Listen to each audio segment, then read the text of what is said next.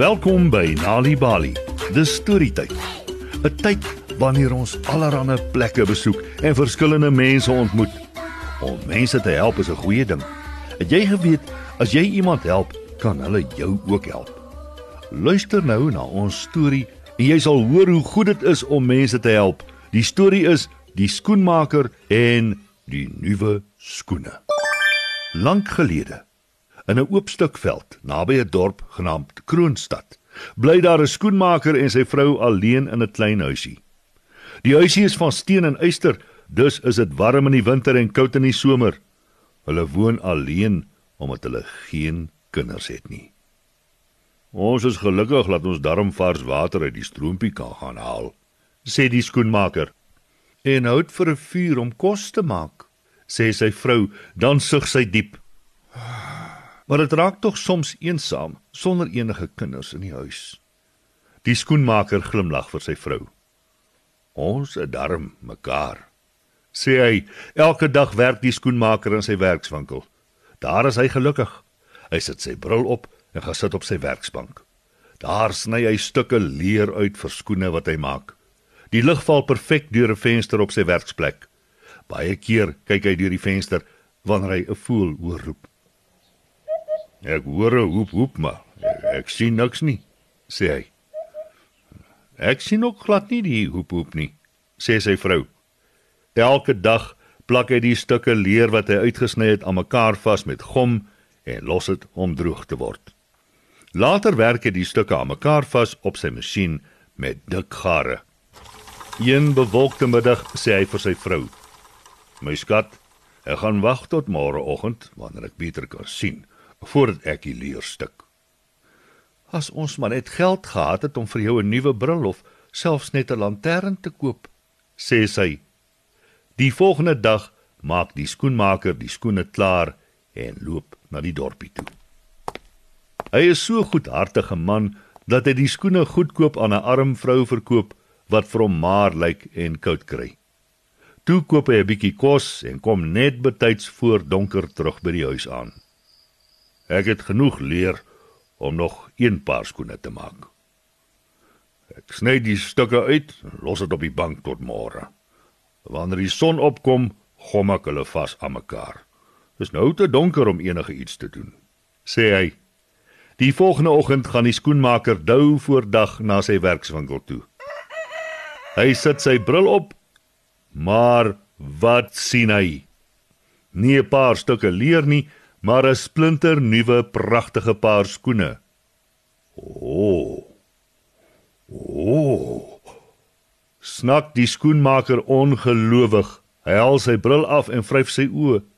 Toe sit hy weer sy bril op en kyk na die pragtige paar skoene.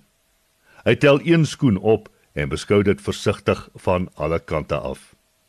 "Hoe kan dit wees?" vra hy. Toe spring hy op. "Kom kyk wat het gebeur," roep hy vir sy vrou. Sy laat val die besem waarmee sy besig is om te vee en kom aangehardloop. "Dis 'n groot verrassing," sê sy.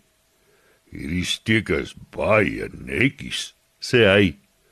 "Maar wie kon hierdie skoene gemaak het?" "Ja nee, wie? Inderdaad." Wonder hulle. Die skoenmaker gaan dorp toe en verkoop die skoene aan 'n ryk man. Hy kry genoeg geld om nog leer te koop vir twee pare skoene en kos vir hom en sy vrou. Na ete sê hy vir homself: Ek sal die leer uitsny vir twee paar skoene en dit môreoggend klaar maak. Die volgende oggend gaan die skoenmaker soos gewoonlik na sy werkswinkel toe en weer is hy verras. My skat, kom gou. Die keer is daar twee pragtige paar skoene. Die skoenmaker en sy vrou is oorstelp van vreugde. Toe loop die skoenmaker weer na die dorp toe. Hy verkoop die skoene en koop sommer baie leer. Hy koop ook genoeg kos vir 'n hele week. Elke aand sny die skoenmaker die stukke leer uit en los dit op sy werksbank. En elke oggend kry hy 2 of 3 paar nuwe skoene daar. Ek wil weet wat die geheim van die skoene is, sê die skoenmaker. Ons moet vir wie dit ook al maak, dankie sê. Ek wil ook weet hoe die skoene verskyn asof dit uitgetower word beam sy vrou: "As ons agter die kas wegkruip, sal ons sien wie die skoene kom maak." Besluit hulle. Die aand sit hulle choop stil agter die kas. Hulle het al amper aan die slaap geraak toe hulle iets hoor. Iemand klim deur die venster. Hulle hoor twee stemme. "Gee my jou hand, dan trek ek jou op," sê 'n sagte stem. "Nou kan ons begin," sê nog 'n sagte stem. Die skoenmaker en sy vrou loer om die kas. Hulle sien twee klein seentjies op die vloer sit. Die seentjies glimlag terwyl hulle by kerslig die skoene maak. Hulle lyk maar en hulle klere is vol gate. Hulle is so besig met die skoene dat hulle nie eers die twee ou mense uit die kamer sien sluip nie. Toe die skoenmaker sy vrou in die bed klim, fluister sy vir hom: "Môreoggend besluit ons wat om te doen." Toe hulle die volgende oggend wakker word, sê die skoenmaker: "Die seentjies het ons so baie gehelp en ek wil hulle ook nou help. Ek het 'n plan. Maar uh, ons moet baie versigtig wees. Ek wil hulle nie skrik maak nie." Die dag brei die skoenmaker se vrou twee wolmusse. Toe dit aand word, sit die skoenmaker die musse op sy werksbank saam met twee appels. Weer kruip hulle in die donker agter die kas weg. Kort voor lank klim die seentjies deur die venster. 'n Stem fluister: "Die mense is in die bed. Kom, Boetie." Die seentjies steek die kers aan. Toe hulle die appels en die wolmusse sien, is hulle so bly dat hulle begin dans. Hulle kaal voetjies klink soos droë gras op die vloer. Hulle sing sag: Dankie meneer skoenmaker, dankie mevrou skoenmaker. Die skoenmaker en sy vrou begin ook sag sing. Dankie julle goedhartige slim seentjies. Ons is baie gelukkig en dankbaar. Toe die seentjies die ou mense se stemme hoor, blaas hulle vinnig die kers dood en hardloop na die venster toe reg om uit te spring. Asseblief, ja, bly hier en praat met ons, roep die skoenmaker en sy vrou agter die kas.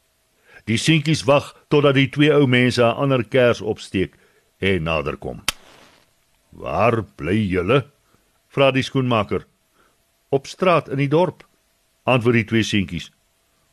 "Hoekom het julle nie 'n huis nie?" vra die vrou. "Ons het nie 'n ma en 'n pa nie," antwoord een van die seentjies. Die skoenmaker en sy vrou kyk na mekaar. Toe sê sy: "Ons is nou wel oud, maar ons sal na julle kyk." sal julle by ons kom bly? Eers glimlag die seentjies. Toe lag hulle kliphard en hulle spring op en af van vreugde. O, ons kan geluide maak en net so hoep hoep wat roep, sê hulle. O, dit was julle, sê die skoenmaker. Ek was seker ek het 'n voël gehoor, maar ek kon niks sien nie. Ons het deur die venster geloer en gekyk hoe jy werk. Dis hoe ons geleer het om skoene te maak sê die ander seentjie. Ons wil baie graag by julle bly. Ja, en ons sal na julle ook kyk. En toe, van daardie dag af, bly die skoenmaker en sy vrou en die twee seuns gelukkig saam. En hulle is almal goed vir mekaar en help mekaar. En so eindig vanaand se storie op Nali Bali. Wees deel van Story Power met Nali Bali en lees 'n storie net wanneer jy lus is. Of as jy nog stories wil hê om vir jou kinders voor te lees of vir jou kinders om self te lees, gaan na nalibali.mobi op jou selfoon. Jy sal heelwat stories in verskeie tale gratis daar vind. Jy sal ook wenke kry oor hoe om 'n storie voor te lees en te deel met jou kinders ten einde hulle potensiaal aan te moedig. Dis nalibali.mobi. Nalibali is ook op Facebook en Mixit. Hou ook die koerante dop vir die Nalibali byvoegsel en aktiwiteite in KwaZulu-Natal Sunday World Engels en isiZulu. Gauteng Sunday World Engels en isiZulu. Vrystaat Sunday World Engels en Sesotho. Weskaap Sunday Times Express Engels en isiXhosa. En Ooskaap The Daily Dispatch Dinsdae en The Herald Donderdag Engels en isiXhosa.